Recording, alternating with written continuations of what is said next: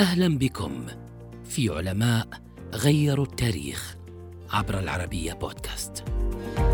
محمد بن زكريا الرازي ولد عام 865 الميلادي. أثرت مساهماته بشكل جوهري على تطوير الطب الحديث.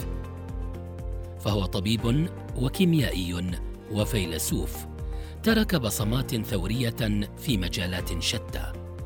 برع الرازي في الكيمياء وينسب إليه الفضل في اكتشاف حمض الكبريتيك.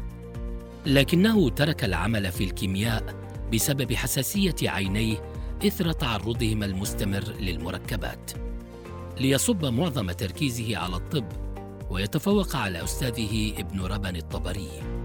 ويترك أكثر من 200 مؤلف أهمها كتاب الحاوي في الطب الذي يعد أكبر موسوعة للطب حتى القرن العاشر. كتبه ظلت المرجع الأساسي لطلاب الطب لمئات السنين. كان كتابه من لا يحضره الطبيب بمثابة دليل طبي منزلي للمواطن العادي حدد فيه علاج الأمراض الشائعة.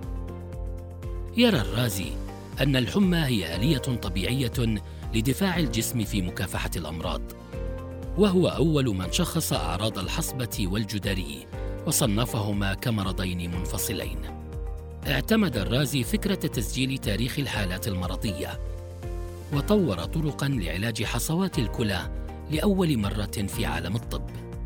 في عمر الستين توفي أبو الطب العربي محمد بن زكريا الرازي عام 925 الميلادي.